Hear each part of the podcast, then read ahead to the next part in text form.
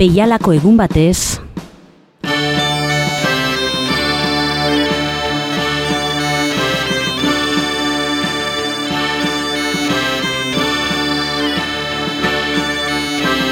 Agur eta ongi etorri Bilbo iria irratiko entzule zaren hori.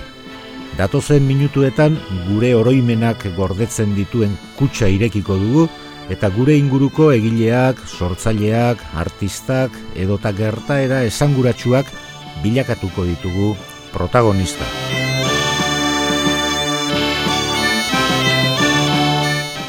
Agurre, entzule, gaur azaroak eh, hogei eh, ditu eta data hau eh, dela medio, Valentin Enbeita bizkaitar eh, bertsolaria gogoratu nahi du. Valentin eh, Enbeita gaur bezalako egun batez hil zen, mila bederatzi deun eta larogeita zeian. Baserriko telatuak konpontzen ari zela erorita, larogei urte zituen.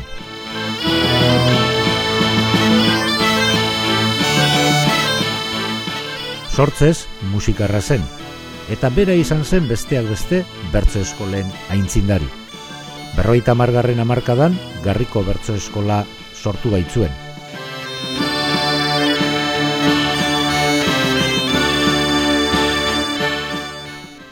Bertzolari gisa, hiru aldiz jantzi zuen bizkaiko txapela. Mila bederatzi eta hogeita bederatzian eta gerra ondoren, mila bederatzi eta berrogeita emezortzi eta emeretzian. Plaza gizona izateaz gain, bertso idatzi ugari plazaratu zituen. Bi liburu ere utzi zizkigun, bizitzaren joanean eta nere apurra. Eta esan bezala, gaurko data esanguratsu hau baliatu dugu, Valentinen beita zenaren zenbaite pasarte zuen ganatzeko. Horretarako, eskertu behar dugu, bere semeak, jonen beita bertsolariak alegia, aipatuko dizkigun zenbait pasarte.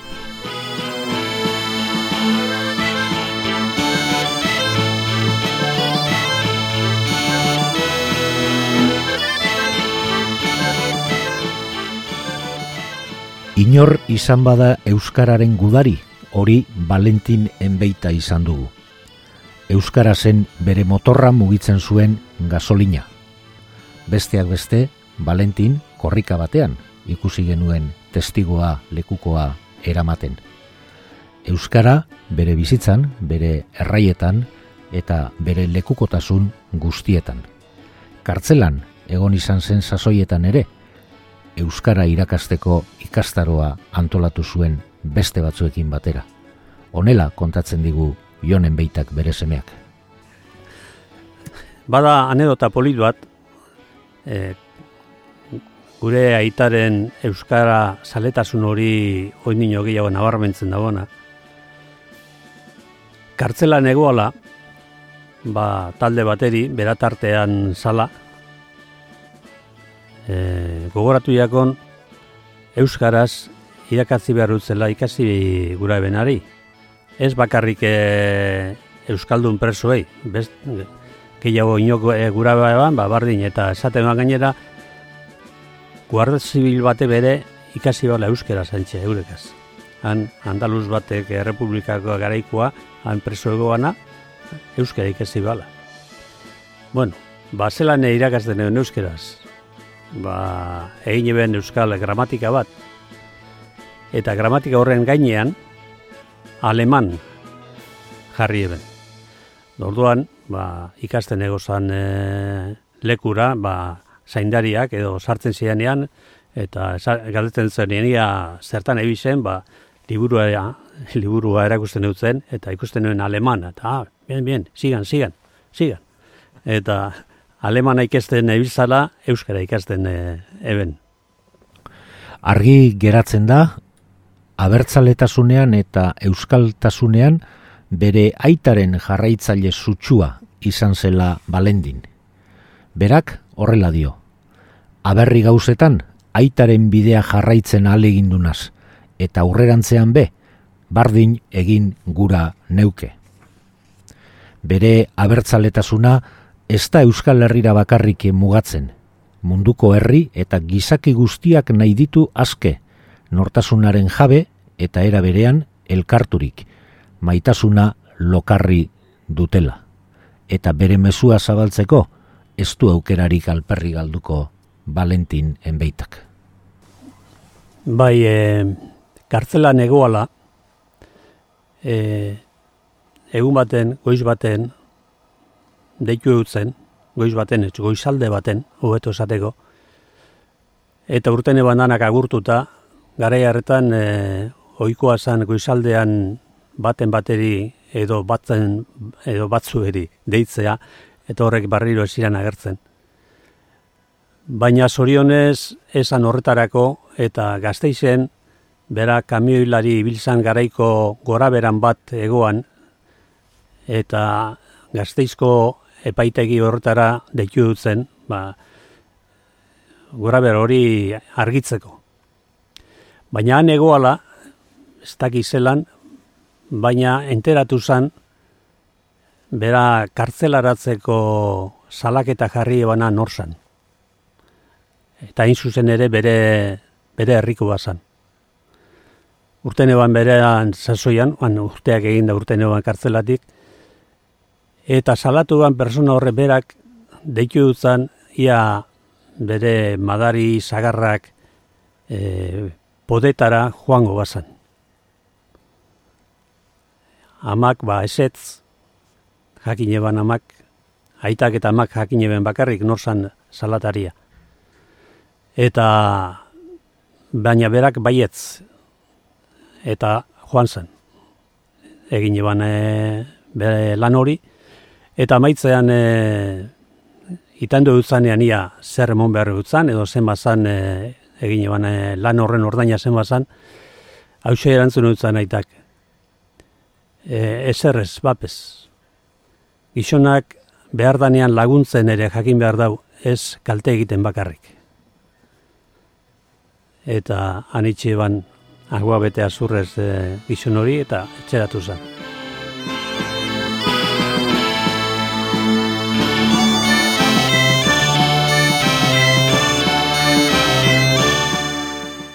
Ondoren etorriko ziren, gerra osteko, denbora ilunak. Eta eskuzabaltasun txikitxo bat ere bai, berrogeta amargarren amarkadaren amaieran. Alfonso Irigoyen, txapelketak antolatzen hasi zenerako, guda aurreko errastasuna egin batean berreskuratua zuen Valentinek. Eta bera izango zen irabazle lehen biziko bizkaiko txapelketa bietan mila bederatzireun eta berrogeita amazortzian, eta baita mila bederatzireun eta berrogeita emeretzian ere. Benetan, egun unkigarriak beretzat, batez ere lendabizikoa, eta ez txapelagaitik bakarrik. Berak, honela kontatzen digu egun ura.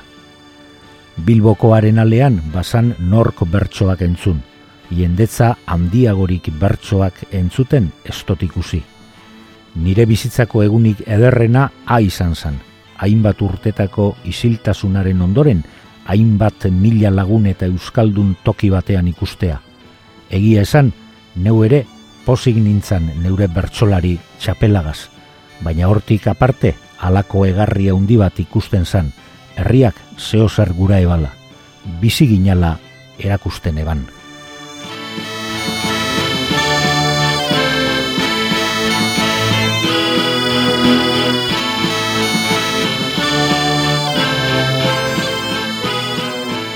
Fededuna ere bazen gure Valentin, baina fededun kritikoa zela esan behar. Geroago eta kritikoago bihurtuko da. Ez hainbeste fedearekin, bitartekoekin baizik.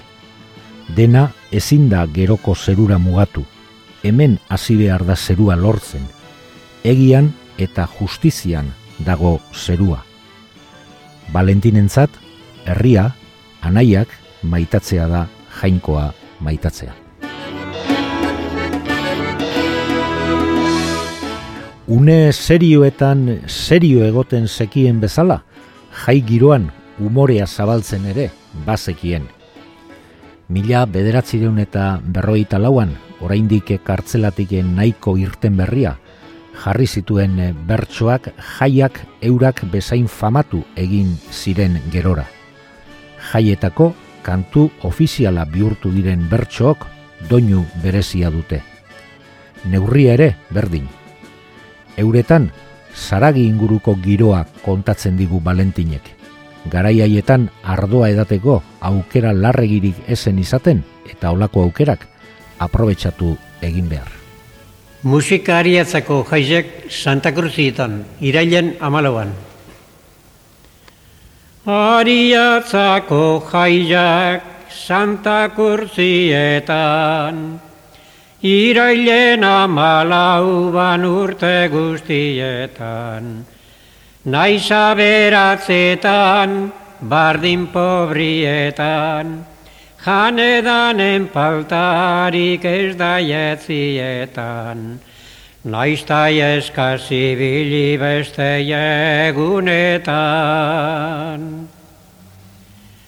Ariatza da gure tokirik gurena, ariatzarrok beti maitatzen doguna.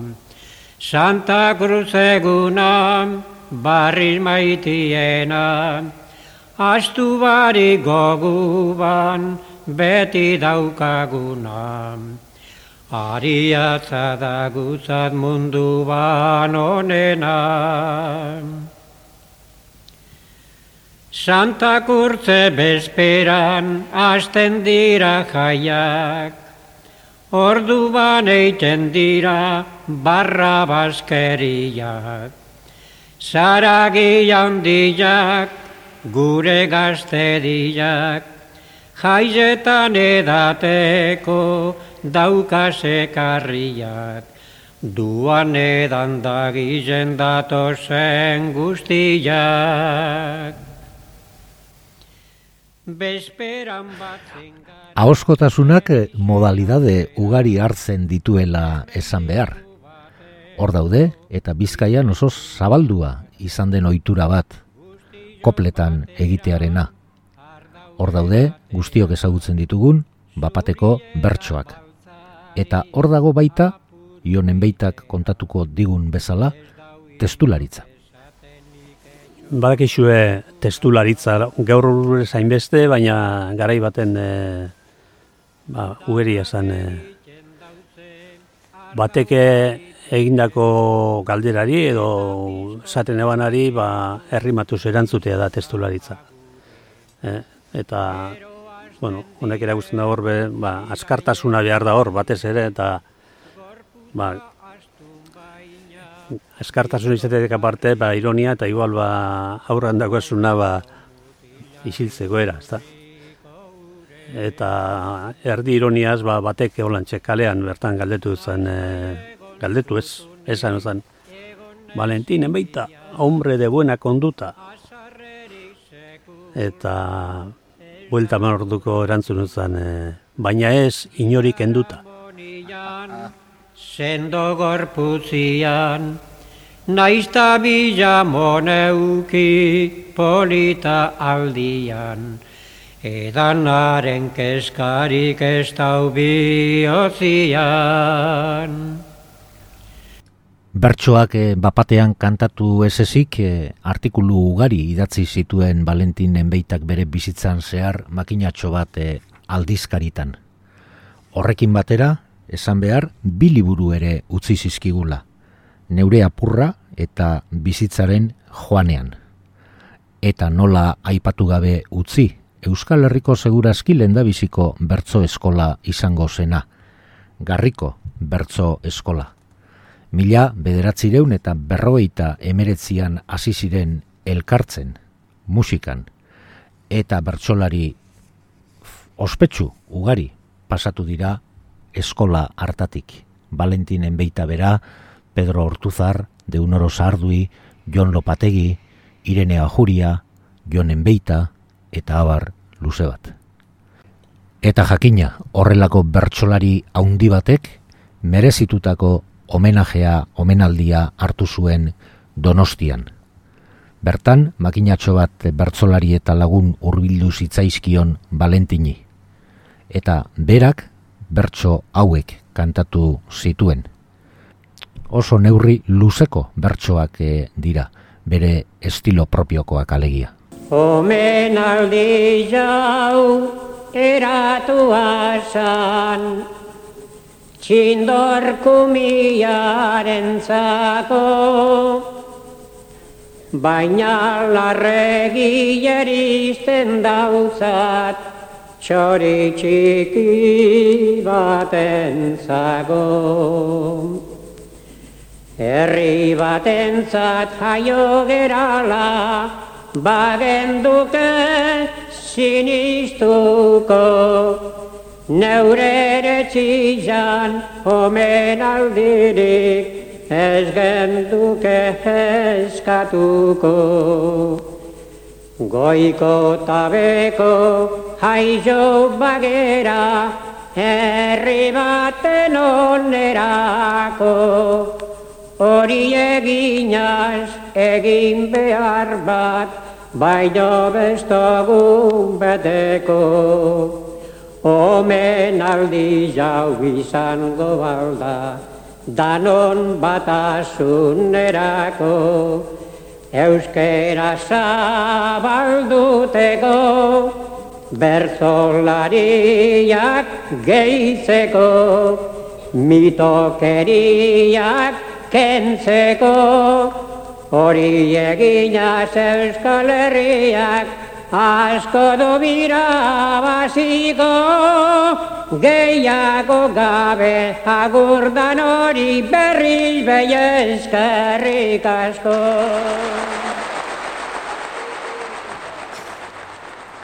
Valentinentzat izango itiren bat aurkitu behar balitz, hori beti gazte izango litzateke. Eta ez osasunez ainargi eta sendo zegoelako, ispirituz gaztea zelako baizik. Etzen gazte sentitzen, gaztea zen izatez. Ona hemen, jonek bere semeak kontatzen digun pasadizoa. Inori gazte izena, beti gazte izena, jartzeri badago, hori Valentinen beita da. Honen inguruan, aneota txikitsu bat e, kontatuko dautzuet. Guk e, lamikisen, lamikiz da mehataka auzo bat, eta hango basterretxe baserrian, bertzo eskola bat sortu genduan, eta tartean e, Valentinen beita. Sei bat e, bertzolari, sei sortzi, bueno, batzen ginenan, eta bueno, bertzotan bertan egin, etxerako lanak emon, eta ia larogi urtera arte, hil zan urtera arte, han e, gure gu azebil izan e, Valentin. Eta notari gehien hartzen ebana, berazan, eta finen ibiltzen ere berazan. E, Bazirudien, e, ez dakit, hondik e, bizitza luzea bukala eta ikasi beharra bala, bain gehiago, beti, beti ikasten e, ebilen e, gizuna zen. Eta egun baten, han ausoko andra bat, iruro eta amasei urteko andra bat, egoan, e, baserri horretan, gure aitek orduan iruro eta amazortzi urte bukasan, eta beragaz, berbetan egoan, eta ni ondoan, Eta kontuatu nintzen e, guraike horregaz berroetan dago, baina hori guraikek e, sartza dauka, bera baino asko e, sarra. Ikusten zen beran e, berbaiteko eran eta konsejuak eta eta momentu baten esan utzan e, Andra horre izan utzan, baina zuke zemat urte dago zuz bat. Ni Valentin, ni, ni sarra, iruro eta urte eginda kontu datu zen berak iru eta mazortzi urte, geratu zen olan momentu baten geldi, buelta emon eta esan usten semie, ni eno kain zarrazta. Da ez, haike, zu horren aldin gazti zerata. Neu egon opa, buelta emon eta besteak jarraitu ban berbetan.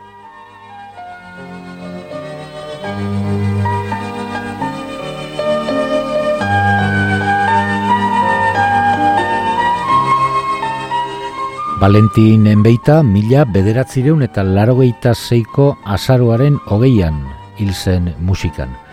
Balio eza tartetxo honek omenaldi sume gisa, beraren oroitzapenean. Enbeitatarren kate begia aspalditik eh, datorrela aipatu behar Valentinen aita, Valentinen eh, aitona, eta era berean Valentinen semeak eta Valentinen eh, ilobak berak eh, sortutako hasia, berak ere indako hasia ernatu dutela esan behar bertsolaritzan.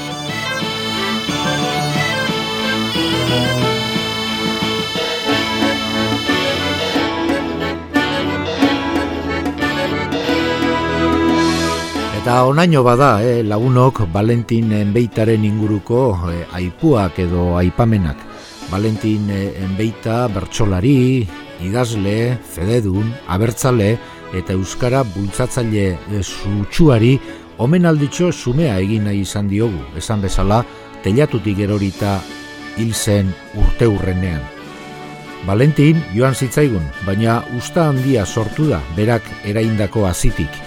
Jon, Moises eta Abel semeak, eta haren semea labak eta sendiak, gaur egun bere ibilbideari ekinez jarraitzen dutenak gure artean bertso kantari herri eta plazaz plaza.